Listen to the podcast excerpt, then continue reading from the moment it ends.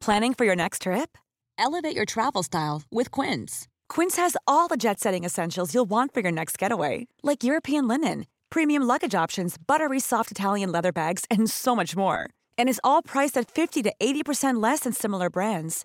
Plus, Quince only works with factories that use safe and ethical manufacturing practices.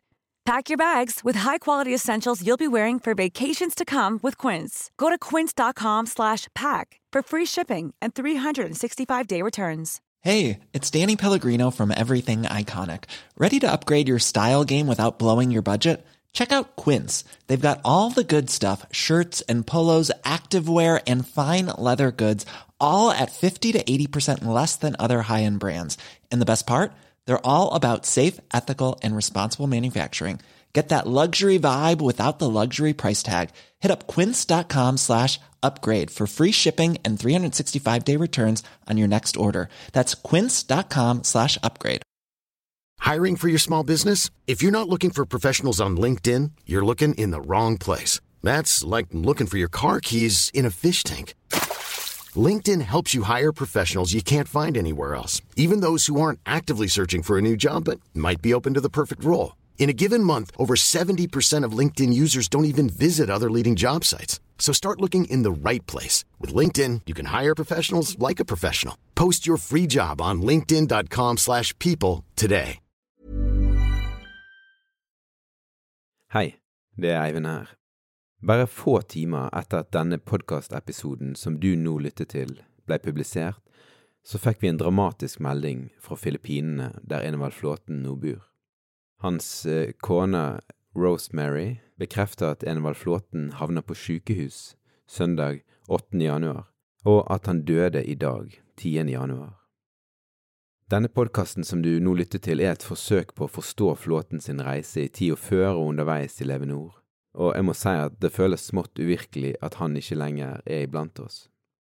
Resten av denne podkastepisoden har fått stå uredigert, og hvis det er første gang du hører denne nyheten, så kan det jo være at du vil ta en pause før du hører resten av podkasten. Og hvis du vil lytte, så håper jeg at du opplever at du blir klokere.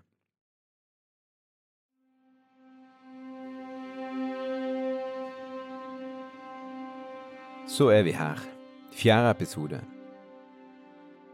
Og vi er kommet til Filippinene, der Enevald Flåten i dag bor sammen med sin nye kone Rosemarie Flåten.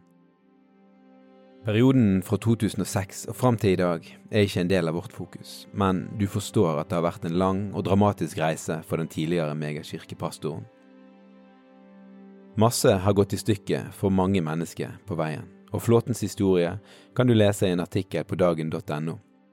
Du finner en link i episodebeskrivelsen. I denne episoden så er det min sjefredaktør, Vebjørn Selbekk, som intervjuer Flåten. Norske passproblemer våren 2022 forhindrer meg fra å reise, men jeg tror det på sett og vis ble en god ting. Vebjørn og Flåten kjenner hverandre fra før, og min dyktige kollega Herman Fransen er en trollmann med lyd og bilde.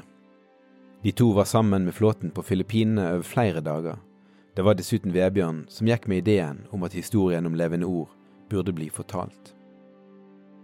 Jeg veit ikke hvordan det blir for deg å lytte til dette intervjuet, og det er virkelig noe jeg har tenkt en del på. Det kan bli spennende, det kan bli informativt, men jeg tenker kanskje mest på deg som tenker at dette kan bli tøft. Kanskje kan det du veit, eller det du har hørt, gjøre det vanskelig å sortere i det som blir sagt. For hvem er Flåten i dag? Kan du stole på han? Jeg tror vi alle møter dette intervjuet med forskjellige forventninger, og kanskje en del av oss ikke helt veit hva vi skal tro. Mitt navn er Eivind Algerøy, og den siste tida har jeg arbeida for å forstå det følgende.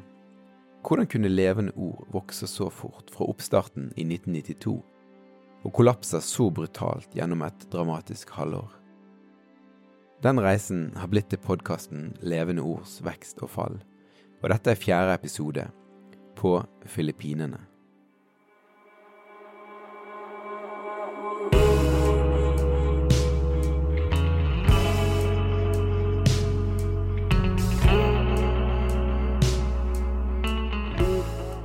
nasjon skal igjen oppreises til en kristen nasjon som skal utruste og sende ut tusentalls av unge misjonærer ut i verden. Det er det vi er kalt.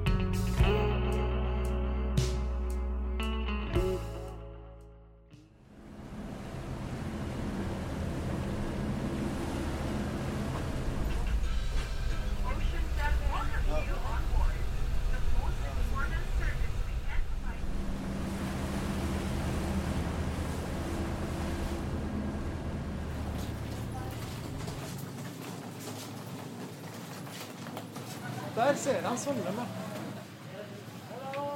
Enevold. Velkommen. Så hyggelig. Så hyggelig. Og dette er Welcome here in the Philippines. Rosemary. Rosemary. Yes. Nice to meet you.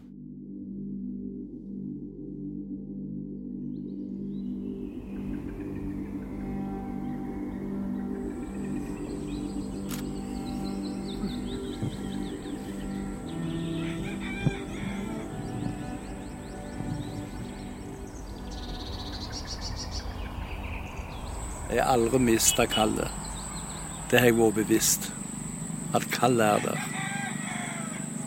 Det er bare Det var ingen plass i Norge til å utbrede. Og det starta en menighet her. Det, det er ikke enkelt. Du må ha lokale folk. Og du må vite hvor du skal starte. Du føler at du lever i, i kallet fortsatt, altså? Nei, ikke fullt ut. En liten brøkdel av det. Så jeg lever i en, i en liten bit, men jeg tenker det er bedre å leve i en liten bit heller ikke gjøre noen verdens ting.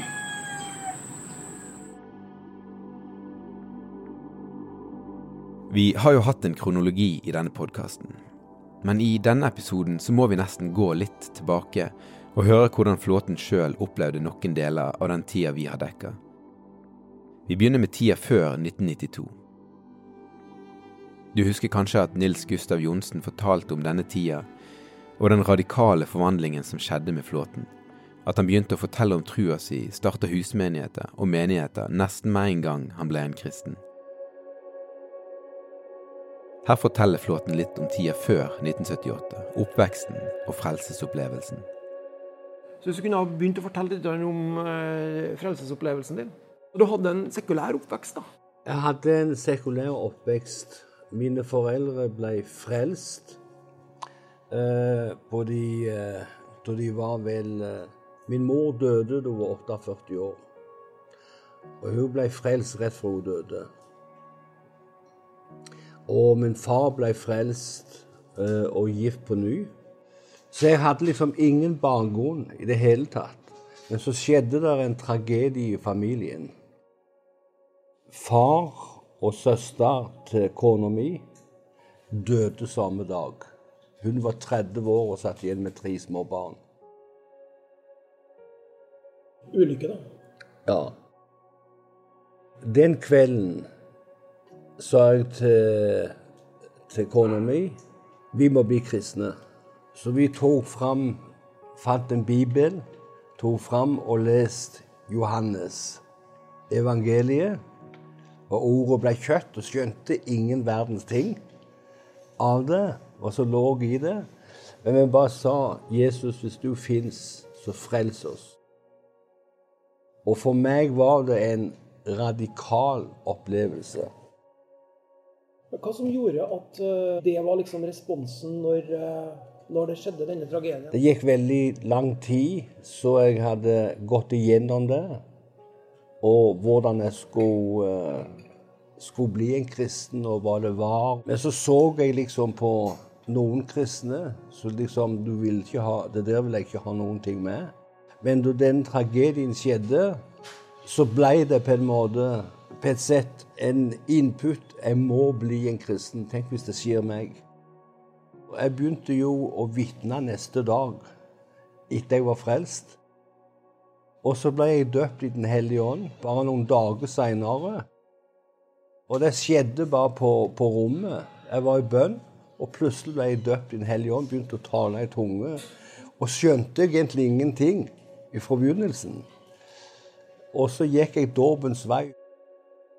Så det var altså en slags frykt som førte til at Flåten tok steget og ba den bønnen til Jesus. Og i denne samtalen forteller Flåten noe som jeg ikke har hørt før, men jeg tenker kanskje at det er kjent for de som har lytta mer til talene hans. Jeg var i kontakt med andre kristne. Men det som var hovedtingen Da jeg var en liten gutt, gjerne seks-sju år gammel, så sprang vi jo rundt i åkrene på Jæren. Og mens jeg sprang der, så hørte jeg plutselig en stemme som sa Se på denne åkeren. Det skal vi bli menneske, så ble det menneske. Jeg så eh, filippinere, jeg ser det i dag. Jeg så nordmenn. Jeg så afrikanere. Alle typer. Og jeg visste jeg hadde et kall. Og det kallet, det slapp aldri. Så jeg var alltid redd for at jeg skulle dø. Men jeg visste ikke hvordan jeg skulle gjøre tingene. Ifølge denne historien hadde altså Flåten en opplevelse som barn som levde i han, til han som ung voksen ble en kristen i møte med tragiske hendelser i nær familie. Etter omvendelsen begynte han som sagt å starte menigheter nesten med en gang. Den første tida på Jæren høres ut til å være en periode der det skjedde veldig masse samtidig. Mange mennesker ville bli kristne, og Flåten snakker om at han brukte masse tid med Bibelen. Så går han videre til å fortelle om tida på Jæren, teltmøte, vekkelse, hærverk. Teltet ble ødelagt om natta og fiksa igjen om morgenen. Eggkasting på vinduene i menigheten på Vigrestad, plassen der Flåten vokste opp. Det fins flere sånne tidlige kallshistorier som Flåten snakker om, og særlig én episode er viktig for denne perioden. En kveld så hadde vi faktisk Gerhard Fjelde. Han er død nå. Jeg satt der, og de andre satt der, og jeg glemmer aldri hva han talte om. Så inviterte han til bønnerommet, og jeg gikk inn i bønnerommet og bare la meg på knærne der og begynte å be. Og så kom han hit, og så la han handen på meg. Og så sa han det Gud sier Jesaja 45. Ingen, ingen porter, ingen stengsler skal forhindre deg å gå med det som Gud har kalt deg til. Og så ble det 50 stykk frelst, og så var vi plutselig var vi 70 mennesker før vi visste ordet av det. Det bare skjedde. Det er starten på, på det hele. Det var det som var kallet. Og Helt i forbegynnelsen så hadde jeg dette i meg med å starta menigheter. Den pionerånden den var der helt i forbegynnelsen. Den var før jeg kom til Uppsala. Vi hørte her at han fikk et skriftsted fra profeten Jesaja i Det gamle testamentet, fra forkynneren Gerhard Fjelde, som ble viktig for kallet hans. Og her er en annen sånn historie fra tida på Nærbø, som fortsatt rører flåten den dag i dag. Og så kjørte jeg til Nærbø, for jeg hadde en kamerat der. Han var ikke hjemme. Så kjørte jeg hjem igjen.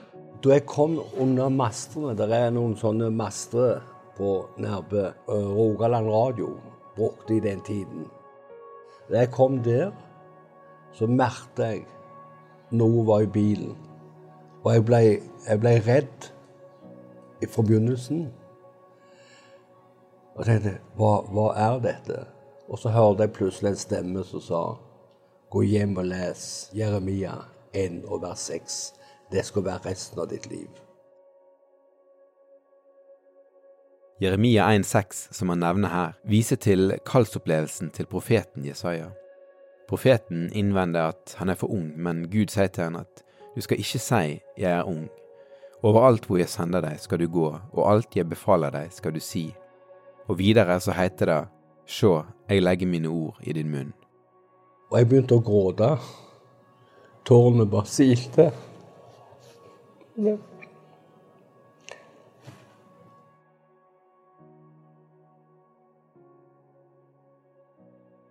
Det er litt vanskelig nå òg, fordi at jeg minnes igjen Guds godhet og alt det, det gode som skjedde.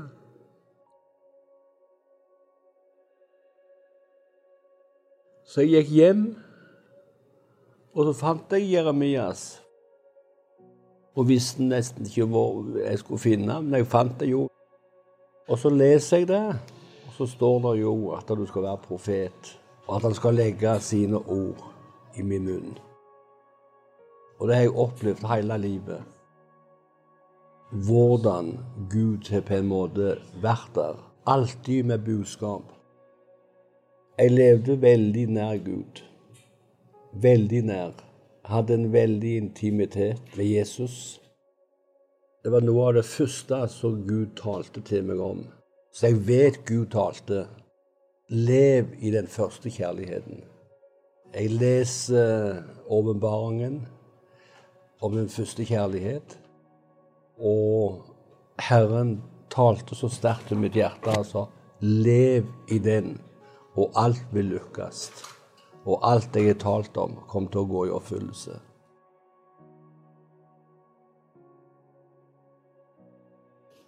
Du blir emosjonell når du, når du ja, snakker om, om dette. Ja, unnskyld.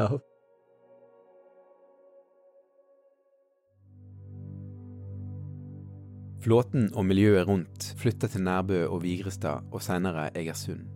Flåten studerer ved Ansgar samtidig som han er i front for det pulserende menighetsarbeidet som er tilknyttet Misjonsforbundet.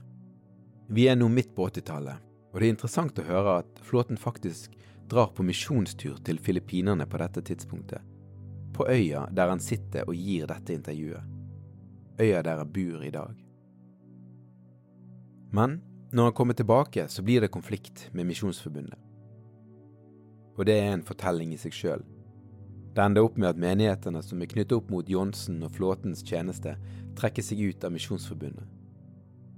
Og det høres ut til å ha vært en prosess som har ført til mange sår. For det er ikke sånn at de problematiske sidene ved denne tjenesten bare kom fram etter hvert. Mange opplevde denne begeistringen og voldsomme karismatikken på 80-tallet problematisk fra dag én. Og en del har sagt at de opplevde det manipulerende. Det er òg sagt at den stoltheten og trua på at en sjøl har rett, kom fram allerede i bruddet med Misjonsforbundet. Uansett. Etter bruddet ble Jæren kristne senter til, og på denne tida hører Flåten Ekman og blir begeistra. Åge Åleskjær hjelper til med å koble de to. Og da jeg hørte han preke, så var det bare noe innom meg som ga en sånn en sanksjon. Jeg kan ikke forklare det på et annet sett. Det var bare noe som sa Jeg må høre den mannen mer. Hvordan kan jeg få komme i kontakt? Og så snakket jeg med Åge. Så sier han du må bare ta kontakt med, med kontoret. Jeg ringte og sa kan jeg begynne på denne skolen? Og det var rett før det skulle starte. Det, dette var altså i uh, 86. De sa ja, du kan komme. Og dette her blir på en måte Flåtens introduksjon til trusbevegelsen. Vi har jo snakka en del om denne bevegelsen som i stor grad var påvirka av amerikansk kristenhet, og ikke minst forkynneren Kenneth Hagen. Og Møtet med Ekman ga en slags ramme for Flåtens opplevelser på tidlig 80-tall, og ble veldig viktig. Bare hør hvordan Flåten sjøl snakker om dette her. Så dro til Uppsala. Det betydde alt. Jeg møtte det som jeg på en måte hadde lengta etter, som jeg ikke fant.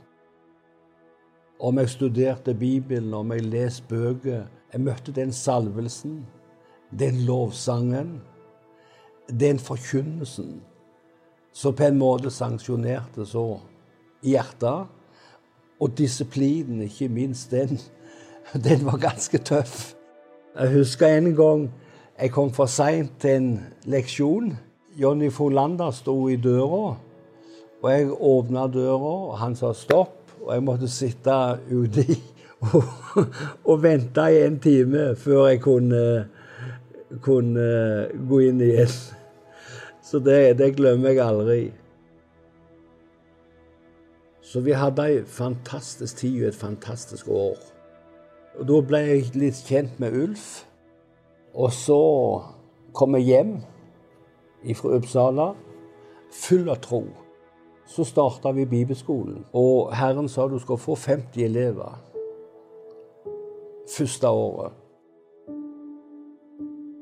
Så vi forberedte alt og fikk søknaden godkjente.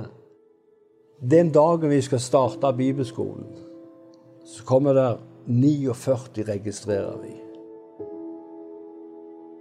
Og jeg sa til meg sjøl og til Herren du sa 50. Hva skjedd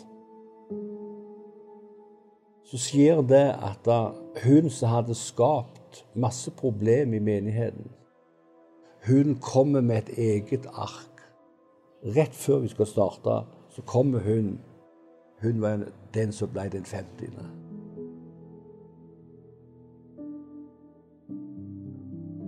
Vi fant ut at Nærbø Det var så mye forfølgelse og knuste alle rutene. Skrev på veggene.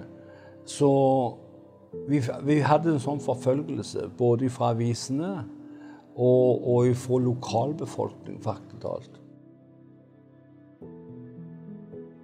Så vi beslutta å flytte til Bryne. Så da tok vi Vi hadde jo både kristen skole da, og vi hadde bibelskolen, og vi hadde barnehage. Så vi fikk tak på et fantastisk lokal på Bryne. Der starta vi opp.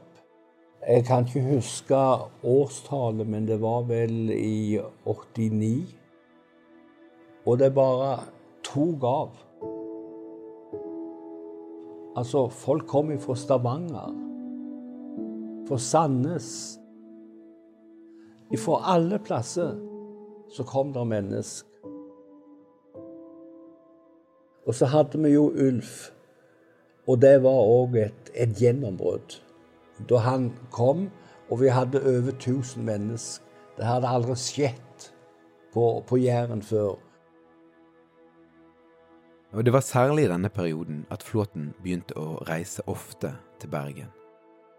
Han ber Ulf Ekman om å bli med, og Flåten forteller at det er under dette møtet at Ulf går sammen med han gjennom Bergen og sier til han dette er en viktig by for Gud. Og Her forteller Flåten hvordan han husker den viktige hendelsen. Her skal du flytte og starte en menighet. Skal du få se hva Gud gjør. Kom det som lyn fra klar himmel til deg? da? Ja. Jeg bare visste dette er Gud. Jeg sa til kona mi vi flytter til Bergen. Men jeg sa til Ulf jeg må ha et år der jeg forbereder det hele. I bønn. Og det forberedelseåret tilbringer Flåten nettopp på Livets Ord bibelskole med Ulf Ekman. Og jeg syns det er interessant å høre at han der startet et eget bønnemøte for nordmenn. For denne bibelskolen skal på et tidspunkt ha vært den bibelskolen med flest nordmenn, og han ligger altså i Sverige. Da Flåten forteller i Sverige om sin visjon om å dra til Bergen og starte menighet, skal 50 mennesker ha sagt at de ville bli med. Det var en enorm tro på hva som kunne skje rundt Flåten og hans folk i Bergen. Og jeg tenker at det forklarer noe av den elektriske stemningen som preger starten i Bergen. Oppvarmingen var i gang i Uppsala. Så når Flåten kommer til Bergen, så er han varm i trøya. Som Leif Jacobsen sa det i første episode, han har venner der. Selv om Flåten forlater mange på Jæren, så kommer han til sine egne i Bergen. Og han tar jo òg med en god del nøkkelpersoner fra Jæren. Jeg var så trygg og så sterk og så overbevist om at denne byen skal bli forandra. Det skal skje noe spesielt i denne byen som skal påvirke resten av landet. Vi innreda alle lokalene. Vi hadde plass til 800 i salen. Det var jo helt sprøtt, rent menneskelig sett. Vi hadde jo eh, skolen. Og til skolen det året, bibelskolen, kom det 150 elever. For da starta du altså både menighet, bibelskole, barnehage òg? Barnehage òg. På samme tid? På samme tid, 9. august 91. Vi hadde ingenting. Vi reiste til Bergen i tro. Og så fant vi et lo lokal eh, på Øvre Kråkenes. Eh, og det sto ledig, men vi måtte jo innrede det. Og vi innreda det i tro. Alle var med. Det kom folk fra Uppsala som var med. Det kom folk i den lokale nærmiljøet. Når jeg hører Flåten snakke om dette her, så er det en slags dobbelthet der. På den ene sida heter det at man kom til ingenting. Man hadde ingenting. Men på den andre sida så var det jo mange som sto klar for å ta imot i Bergen. Mange kom med fra Uppsala, og mange fra Jæren. Men det må jo ha vært en følelse likevel av at selv om masse var forberedt, så var dette her et steg ut i det ukjente.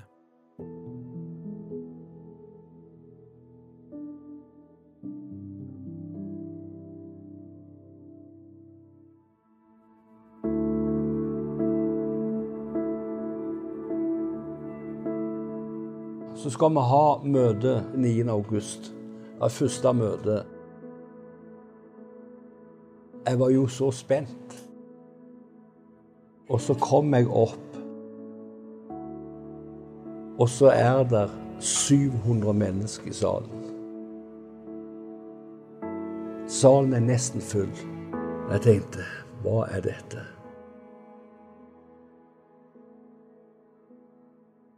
Og så bare hørte jeg en stille røst som sa Det var det jeg talte om, og du har vært lydig.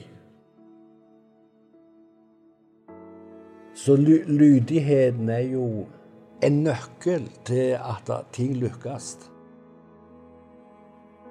Da hadde vi jo ikke starta menigheten i Bergen. To uker seinere, og da hadde vi 200 medlemmer. Og da ett år var gått, så hadde vi faktisk talt 500. Altså, det var en enhet som var av en annen verden. Og nærværet av Gud var så mektig. Folk gråt i møtene. Folk møtte Gud, og helbredelser skjedde.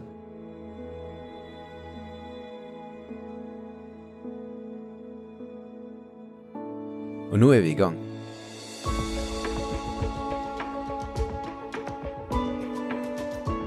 Dette er de gylne årene som vi har hørt flere i denne podkasten snakke om. En periode med så mange fortellinger som framstår overnaturlige eller uforklarlige. Og fortellinger om en atmosfære som var livsforvandlende for mange, selv om det etterlot noen i et tomrom. Hva er nøkkelen? Jeg har ikke noen annen forklaring enn til det var et kall over mitt liv. Jeg tror jeg har et apostolisk kall over livet. Jeg var lydig. Jeg hadde fantastiske medarbeidere. Og det var en nærvær av Gud. Og vi søkte Gud i bønn til enhver tid. Vi, vi hadde et fantastisk fellesskap. Og vi hadde mye moro. Samtidig så vi brukte mye tid med Gud. Og vi hadde mange forskjellige mennesker i menigheten.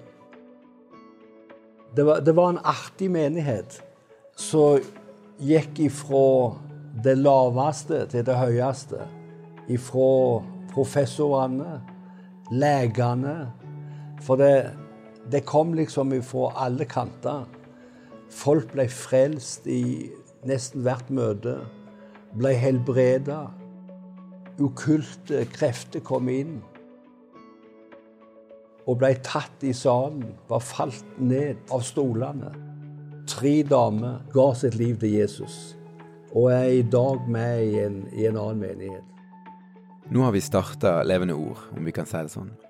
Du har kanskje ikke hørt noe som overrasker deg, men jeg tenkte at det var interessant å høre noe av Flåtens gjengivelse av denne tida. Det blir litt historie i fortsettelsen òg, men det er interessant når Flåten får spørsmål om hva suksessen gjorde med han. Hva gjorde det med, med deg å oppleve en sånn enorm suksess. I forbindelsen gjorde det meg veldig ydmyk. Veldig ydmyk. Eh, og, og, taks, og takknemlig for det som skjedde. Etter hvert så ble det sånn Du ble så sterk. Det var liksom Du var uovervinnelig. Det, det føltes som du Det var liksom ingenting som kunne stoppe dette nå. Nå skulle vi eh, ta Norge. Nå skulle vi, nå skulle vi røre med, med Skandinavia. Og jeg var jo veldig mye i Danmark og hadde masse møter i Danmark. Og vi begynner å starte misjon, og vi hadde jo misjon i 18 nasjoner. Men er det noen farer i det òg, når du føler deg, som du sier, uovervinnelig? Ja. Årsaken til at det stoppet, er jeg overbevist om da jeg ransaker meg sjøl. Jeg ser Jeg ble stolt. Uovervinnelig og stolt. Disse her ordene tenker jeg at reflekterer masse av det vi har snakket om i denne podkasten. Nettopp i den sterke veksten og framgangen ligger noe av forklaringen til at det gikk galt. Jeg syns dette er utrolig interessant med tanke på menighetsliv òg i dag. For alle menighetsledere sin drøm er å se at menigheten vokser. Og når det faktisk skjer, så aktiveres masse på innsida av en leder. Og dette vokser ikke bare fram mot slutten. Du holder trykket oppe, en, en voldsom arbeidskapasitet. Hva vil du beskrive på en måte arbeidsdagen dine, arbeidsåret ditt, altså alt du, alt du gjør? Jeg sto opp tidlig på morgenen, søkte Gud. Hadde gjerne to-tre timer. Og så var jeg på bibelskolen. Og så hadde jeg da de tre timene på bibelskolen. Så hadde jeg ledermøte. Hadde jeg sjelesorg eh, på dagtid. Eh, og på kvelden så reiste jeg til en eller annen av menighetene og hadde møte. Og kom tilbake neste morgen og hadde bibelskolen igjen. For vi hadde tre kull. Vi hadde jo lærere. Men som ganger så kjente jeg jeg skal bruke ei uke og bare undervise.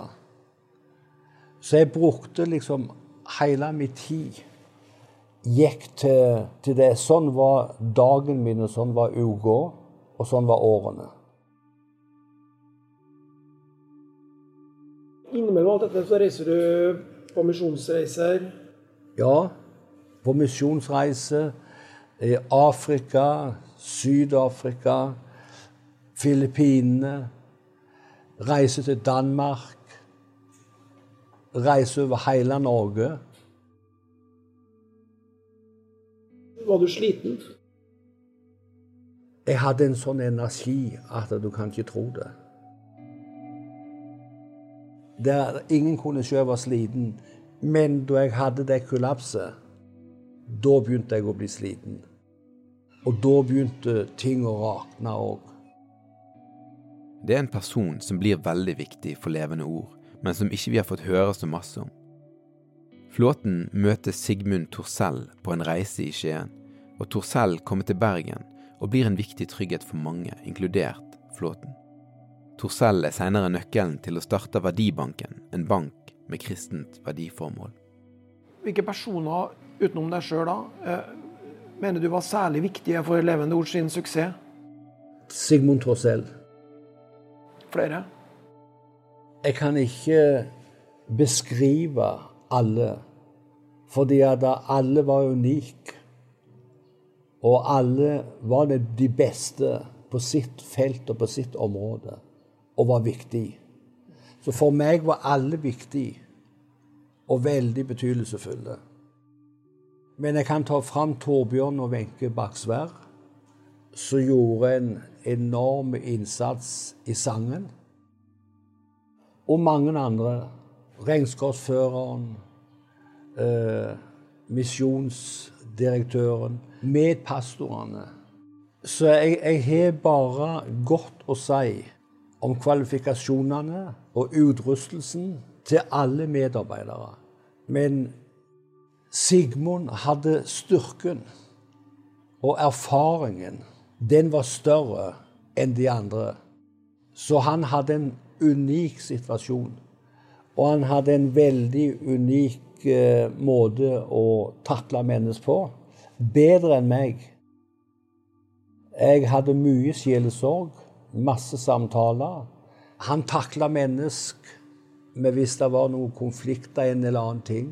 Hvis vi hadde økonomiske problem, så talte han til tro.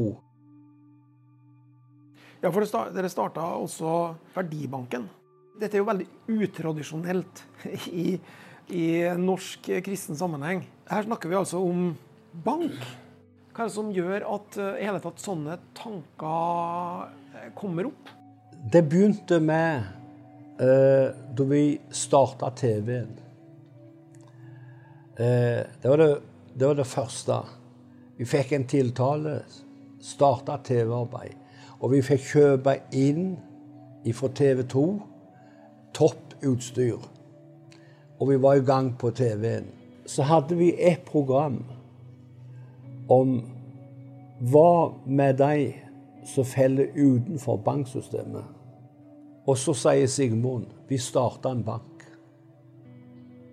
Vi starta en bank, og så tar vi noen øre av hver transaksjon. Og så samler vi det, og så har vi det som sikkerhet, og en narkoman eller har blitt fri, og et menneske som har problemer med å få lån. Eh, så kan vi hjelpe til. Så banken skal på en måte ikke bare være en bank som tjener penger, men vi skal òg være et hjelpende organ ut. En ting er jo visjonen, men i hele tatt, hva sier det om det miljøet som en sånn idé fødes i? Altså, Da vi annonserte hva vi skulle gjøre, så applauderte folk. Og det var, jeg tror det var nærmere et par tusen på det menighetsmøtet da vi annonserte dette. Og alle reiser seg opp og begynner å applaudere. Du husker kanskje at vi snakka litt om miljøet på Levende Ord. Det var mennesker fra alle livssituasjoner, men Flåten hadde et rykte for å samle flinke folk rundt seg. Han knytter det sjøl til det han kaller et apostolisk kall. Så jeg sier jeg jeg er overbevist at jeg har et apostolisk kall. Og jeg hadde så nærhet til Gud at det kan høres litt svermerisk ut. Det sier 'Jeg hørte Gud sa', 'jeg hørte Gud sa'. Men Gud talte så tindrende klart til meg. Og jeg bare handla på det. Jeg bare i total tro og lydighet handla på det. Og medarbeiderne var så dyktige at de sto med. Medievirksomheten som dere drev.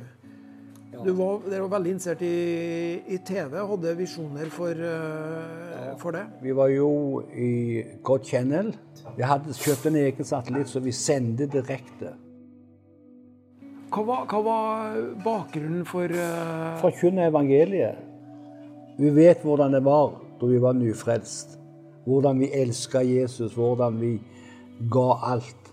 Og så går årene, så kjølner det.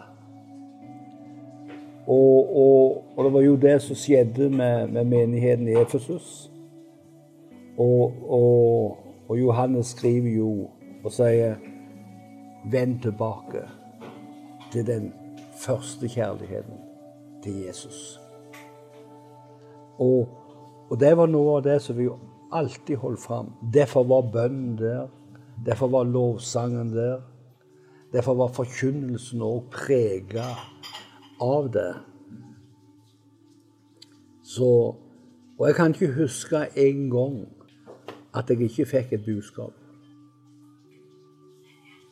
Så da jeg gikk på prekestolen, så var det ingen utrygghet.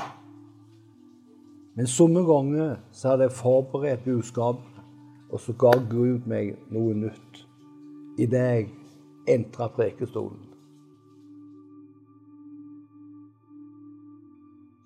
Så, så, så du kan si det var det var jo mennesker på Færøyene, i Danmark, og, som kontakta oss. Vi hadde, sett sendingene? Ja, på sendingene. Så hadde vi direkte på søndagene. Når vi først er inne på mediearbeidet, så var det denne historien med at Flåten sier at griser veit bedre enn homofile. Og det var jo en historie som kanskje forståelig nok vakte oppmerksomhet landet rundt. Ifølge Flåten så var det aldri meningen at dette her skulle ut på TV.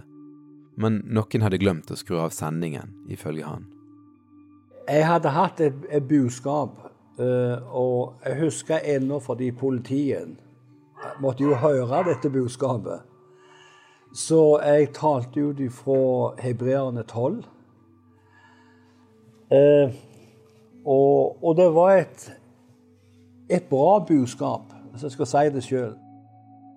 Men så var det ting som pågikk i avisene med de homofile. At de skulle få gifte seg i kirken og, og en del sånne ting. Det vil jeg ikke ha med på Det bare sa jeg til menigheten. Vi må be for dette. Jeg kom ifra bygda, og jeg er vant med fjøs og gris og kanin. Og faktisk talt så vet en kanin og en gris bedre.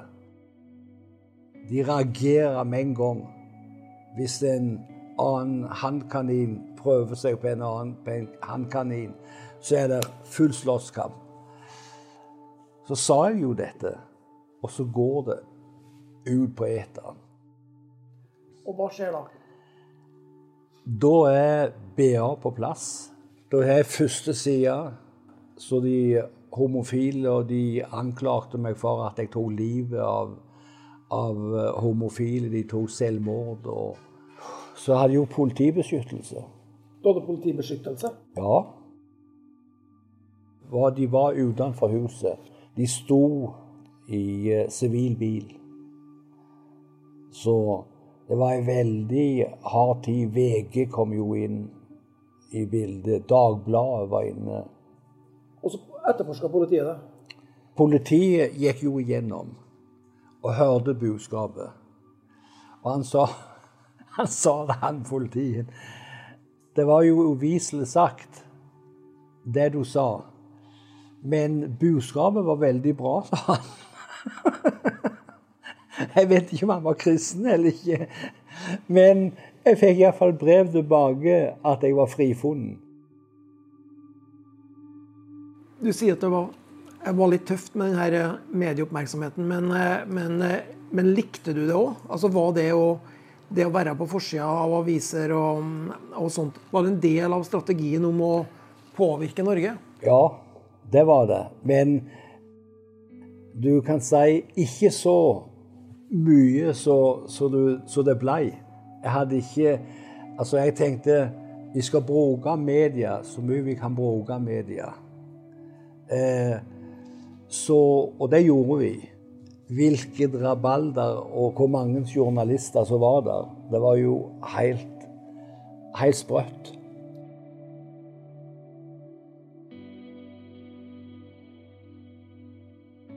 Vi har hørt Flåten fortelle en del om motstand, om forfølgelse og sånt. Og ut ifra det jeg har fått høre i arbeidet med denne podkasten, så tenker jeg at kanskje er det vanskelig for en del å høre han snakke om det, og høre han si det, fordi at en tenker at lederne på Levende Ord får framstå som ofre. På den andre sida så er det vel det som må til for å få fortalt denne historien, at vi får høre fra de som sto midt oppi det. Tilbake på Filippinene så kommer de tilbake til hva som skjedde på innsida hos den profilerte pastoren som bygger sitt imperium på Øvre Kråkenes. Og det er noe mørkt som får vokse fram, og tempoet blir bare skrudd opp. All denne medieeksponeringa gjorde jeg jo til en, ja, til en, slags kjendis. Jeg regner med folk kjente igjen deg på gata i Bergen og Alle plasser. Alle plasser. Det levde du godt med? Det levde jeg godt med det var, det var ingen problem. Så problemet var vel at jeg tok det ikke på alvor, hva som skjedde med meg underveis. Med all den oppmerksomhet, med all den suksess, eh, med alt det som vi sto i. Så skjedde det noe med meg. Så jeg ser veldig klart i dag. Og det var det begynte en spire av stolthet å komme fram. Populariteten, suksessen. Og som jeg sa, det var da jeg begynte å drive hardt. Så det var en resultat av det at ting eh, gikk så bra. Man måtte opprettholde denne veksttakten. Måtte opprettholde veksttakten. Og det var en av grunnene til at du da eh, både drev deg sjøl hardt og medarbeiderne hardt. da. Det jeg ser tilbake i dag Jeg så det ikke da. Da jeg hadde det sammenbruddet, og jeg segna om på Fevik, så skulle jeg stoppet. Jeg skulle tatt et halvt års avbrekk og hvilt meg ut og let andre overtatt mens jeg var borte. Men jeg så ikke noen andre til å overta. Og, og da hadde Sigmund begynt å snakke om å flytte til Oslo og jobbe med banken. Jeg så ikke noen andre eller meg sjøl.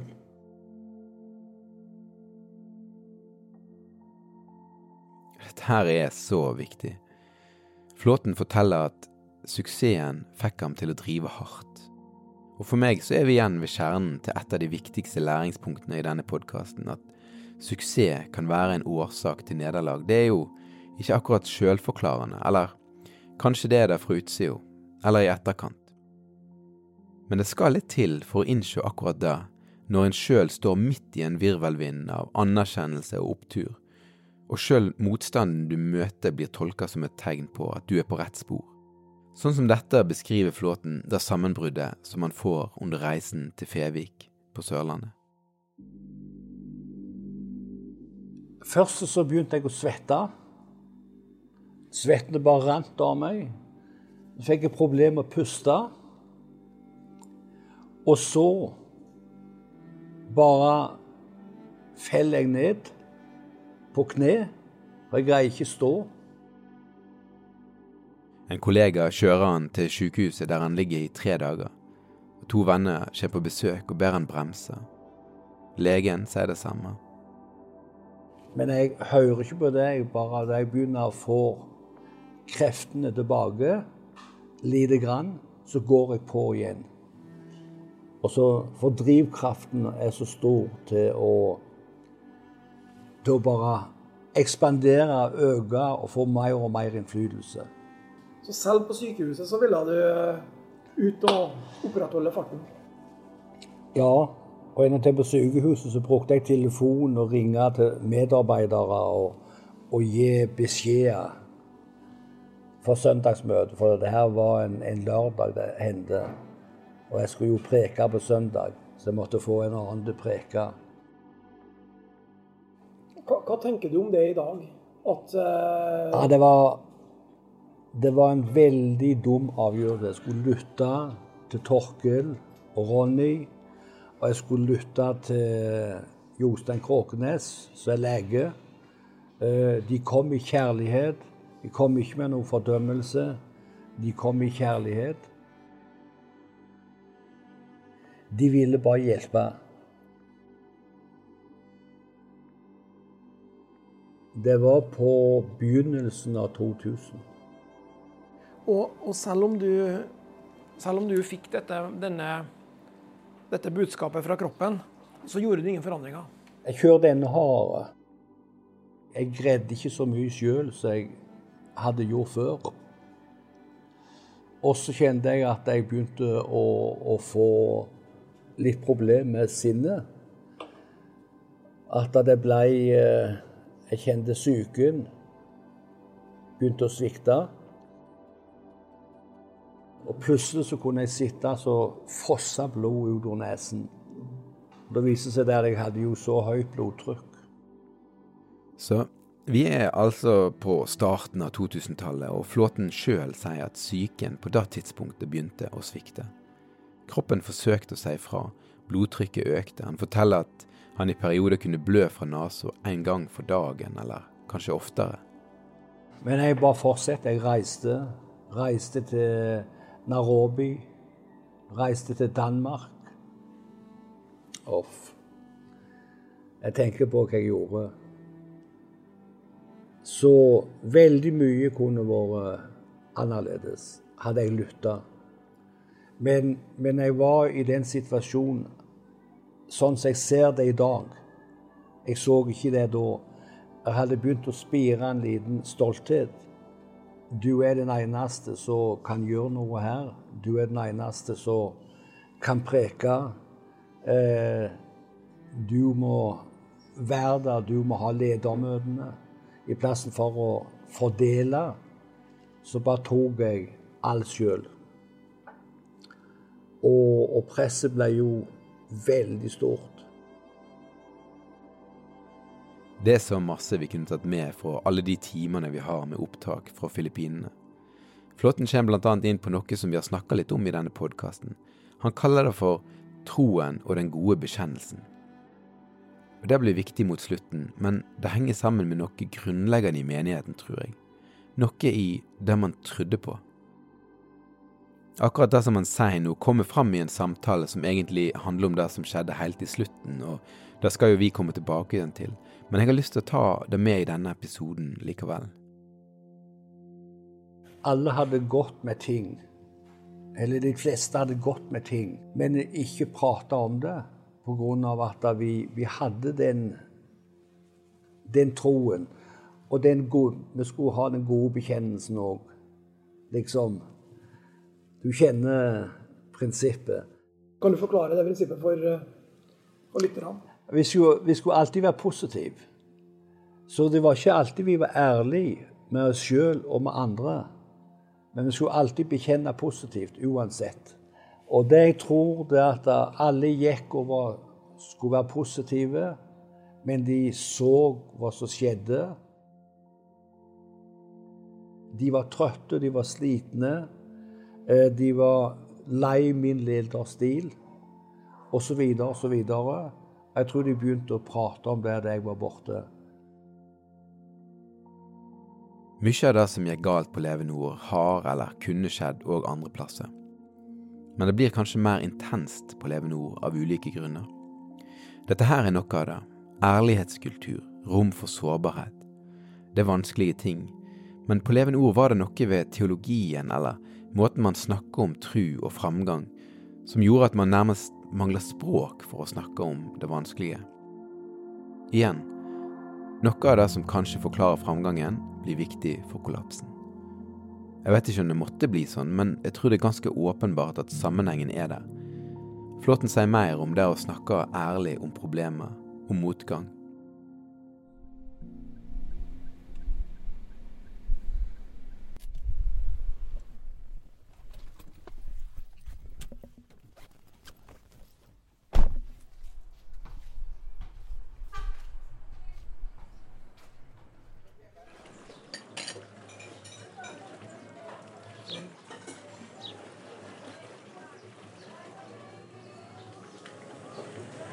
Fellesskapet som liksom var på toppen, sånn som det så ut i hvert fall tilsynelatende, med, med deg og Ulf Ekman og Åge Åleskjær og noen andre sentrale ledere på nasjonalt plan i, ja. i trosbevegelsen.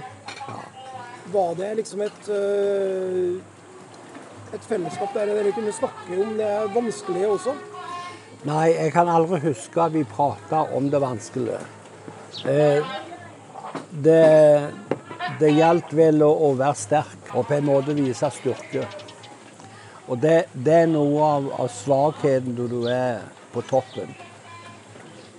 Du kan ikke vise svakhet. Da jeg reiste til, til Ulf og prata med Ulf, var så, da var jeg så trøtt og, og så sliten, og det, det begynte, depresjon begynte da. Men, men vi fikk aldri prate skikkelig om hvordan jeg hadde det. Livet på toppen er veldig ensom.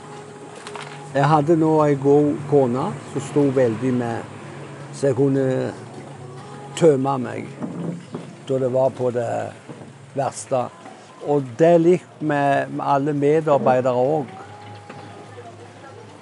Vi, vi prater aldri om hvordan har du det egentlig.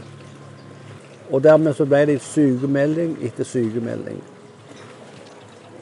Eh, fordi folk ble utslitt.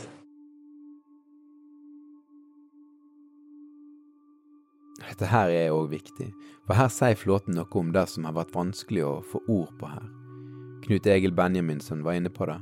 At folk ble sjukmeldt, ble utslitt, slutta. Og kanskje uten at det ble satt ord på, at det ble sett eller gitt oppmerksomhet til. De ble bare vekke. Vi prater aldri om det, sier Flåten nå. Og vi borer enda litt dypere i det. Eller kan man si det at eh, det er samme som du opplevde, at du ikke kunne snakke med dine Hva skal jeg si Ulf, da, som var, som var din Ja, du hadde et nært Ja. forhold eh, og kanskje et mentorforhold til. Så på samme måte så følte dine medarbeidere at de ikke kunne snakke med deg om det så vanskelig for at man skulle vise styrke. Jeg tror det. Nå, nå er det jo en svakhet i mitt liv òg at jeg ikke på en måte bare åpna meg helt opp. Eh, og på en måte var redd for å vise svakheten.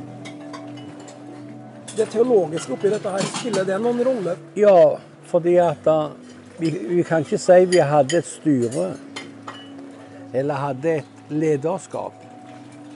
Vi hadde medarbeidere. Og det er veldig negativt å stå alene på toppen uten å ha et lederskap rundt seg. Og at du bygger et fellesskap som gjør vi kan være bånd åpne med hverandre om alle ting. Eh, Så, så jeg tror veldig mye i Kristi kropp kunne vært spart hvis en hadde hatt vårt og på en måte vært ærlig med hverandre. Men en skal vise den styrken. Og, og, det er like mye min feil da jeg var og prata med Ulf, f.eks. Men var det en teologisk forventning om at man skulle være sterk?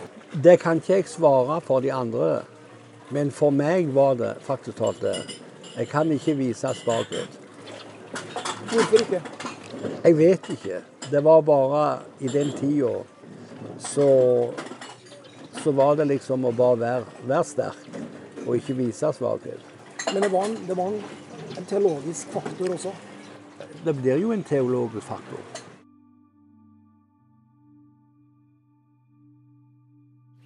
Da hadde du altså ingen du kunne fortelle hvordan du hadde det. At du, eh, at du kjørte så hardt som du gjorde uten å ta ferie. Nei, jeg føler jeg hadde ingen på det personlige plan. Så jeg tørde å åpne meg for. For da viste jeg svakhet. Hvor stor del tror du det her eh, spiller i, i kollapsen? Ja. Eh, fordi at da Hvis lederen ikke er åpen med sine problem, og vi bygger et fellesskap Ikke bare vi skal ha en enhet, men vi bygger et fellesskap så, så ikke bare er medarbeidere, men som på en måte blir inkludert. Det, nå, der er en kjerne som skulle vært inkludert mye mer enn de, de, eh, de ble.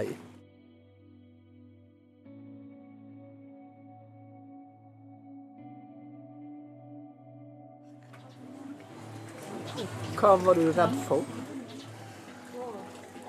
Jeg vet ikke hva jeg var redd for. Det er liksom Det er bare liksom ting jeg har reflektert over i etterkant. Eh, og, og på en måte sett hva, hva er det liksom Hvordan levde du egentlig? vel? Hva var det som pågikk innom deg? Du trykte ned det som var vondt og vanskelig. Det trykte jeg bare ned. Feide unna, og så viste jeg bare styrken. Hvor lenge gjorde du dette? Jeg tror jeg har gjort det hele livet. Uten at det Hva skal jeg si Uten at jeg eh, kan si noe, noe tidspunkt. Så tror jeg det, det har ligget der hele livet.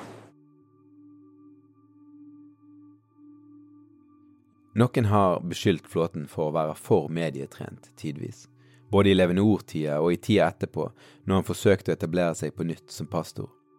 At han sier det som må sies til enhver tid. Er det det som skjer her? Eller er disse refleksjonene han kommer med, genuine? Du må egentlig gjøre opp din egen mening. Vi nærmer oss slutten av denne episoden, og du kan kanskje unnskylde om jeg faller litt i tanker akkurat nå. Jeg tenker tilbake til det Nils Gustav Johnsen sier om en dobbelthet i Enevald Flåten fra starten av, ei sterk side og ei usikker side. Og i det du hørte nettopp, så forteller Flåten at han har undertrykt det vanskelige og vonde lenge, og kanskje hele livet. Jeg trykte ned det som var vondt og vanskelig, sier han, feide det unna, viste styrken. Og dette handler jo om Flåten og det konkrete som skjedde med Levende Ord. Det kan vel òg tenkes på som en sterk advarsel til hele kirka, i alle dens mange former og farger. Flåten og Leve Nord er et ekstremt tilfelle, men det er jo både noe bibelsk og noe allmennmenneskelig over faren ved å ikke slippe lyset til, ikke være ærlig, ikke ta avstand fra det mørke som får plass i livet. Og det får meg til å tenke på om ærlighet, åpenhet og sårbarhet er tilstrekkelig framtredende i kirka som helhet. Det kan gjelde ledere, men det kan òg være et spørsmål til alle kristne. Flåten går videre til å snakke mer om måten han kontrollerte medarbeiderne sine, selv om han egentlig ikke hadde kapasiteten til å gjøre det. Det blir en kontroll òg i det. Om jeg hadde veldig lite ferie, så var jeg på telefonen. Jeg eh, sa hva de skulle preke om. Jeg, jeg var alltid der og hadde de da jeg var på hytta f.eks. Og, og, og hadde noen dager forberedte meg til, til nytt skoleår, så fikk jeg de opp til hytta og hadde møte med de der i ferien. Det blir en form av kontroll, uten at en forsto det var kontroll. Fordi det var jo deres ferie òg.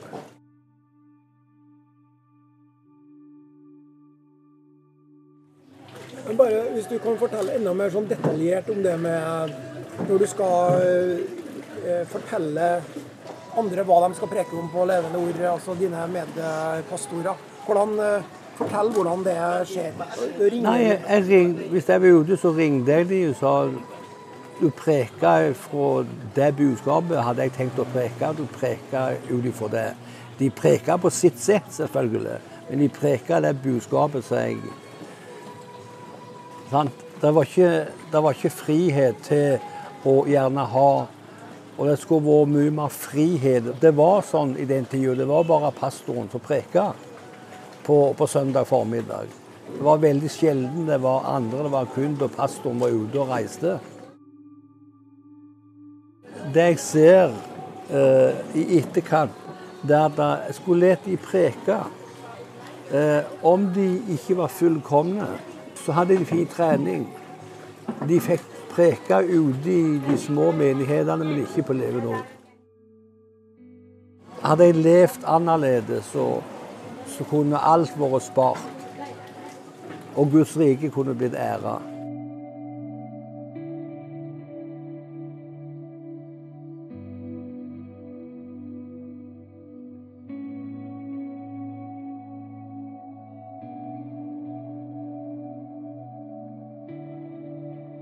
Jeg fikk være med og forberede intervjuet på Filippinene, og jeg var veldig nysgjerrig på hva Flåten ville sagt til seg sjøl hvis han fikk komme med noen innspill under levende ord-tida. Dette her blir det siste du hører Flåten si i denne episoden.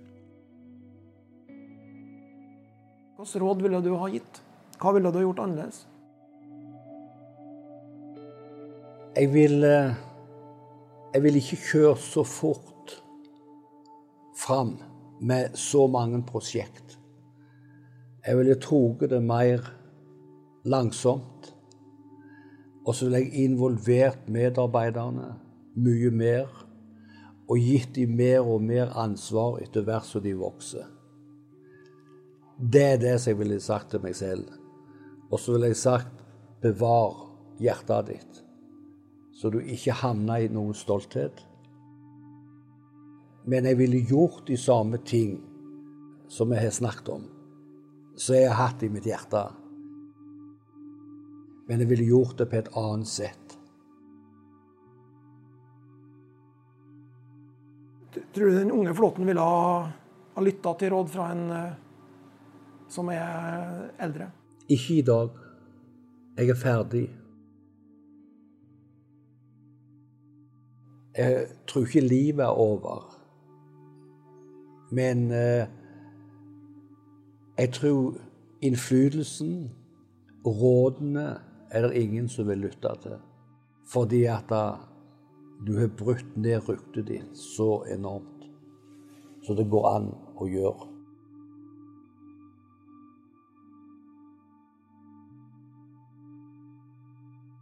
Forfallet har vært så stort.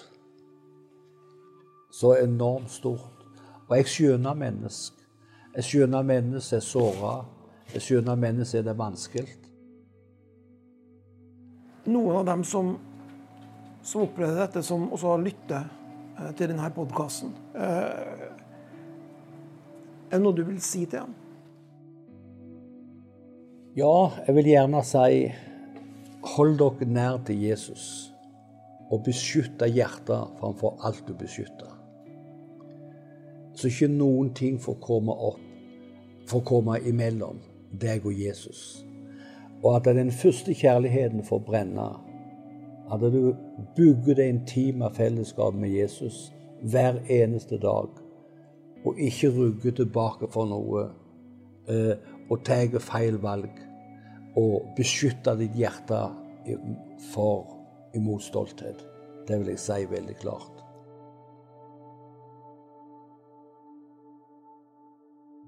Vil du på noen slags måte si beklager eh, og sånt eh, til dem òg?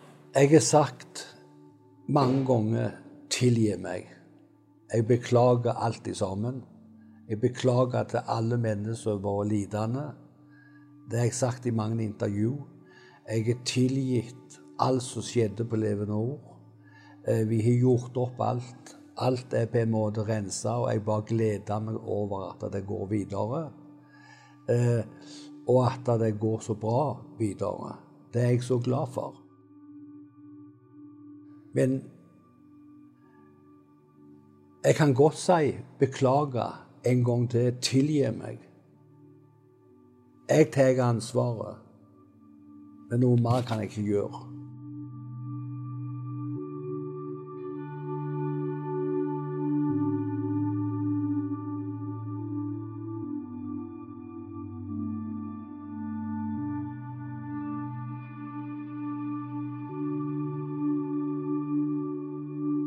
Du har lyttet til fjerde episode i podkasten Levende Ords vekst og fall. I neste episode nærmer vi oss den dramatiske krisa i 2006. Men det som er så fascinerende, er at den fortellingen starter ikke med krise. Den starter med sommeren 2005, med en sommerkonferanse som utad så ut til å være et høydepunkt i Levende Ords innflytelse og vekst. Den sommeren var hele landets øye på Levende Ord og den direktesendte politikerdebatten, der Fremskrittspartiets Carl I. Hagen kanskje var den som følte seg aller mest på heimebane. Besøket på Levende Ord var, eh, var for meg en opplevelse. Jeg ble tatt imot som en konge og behandlet som en konge.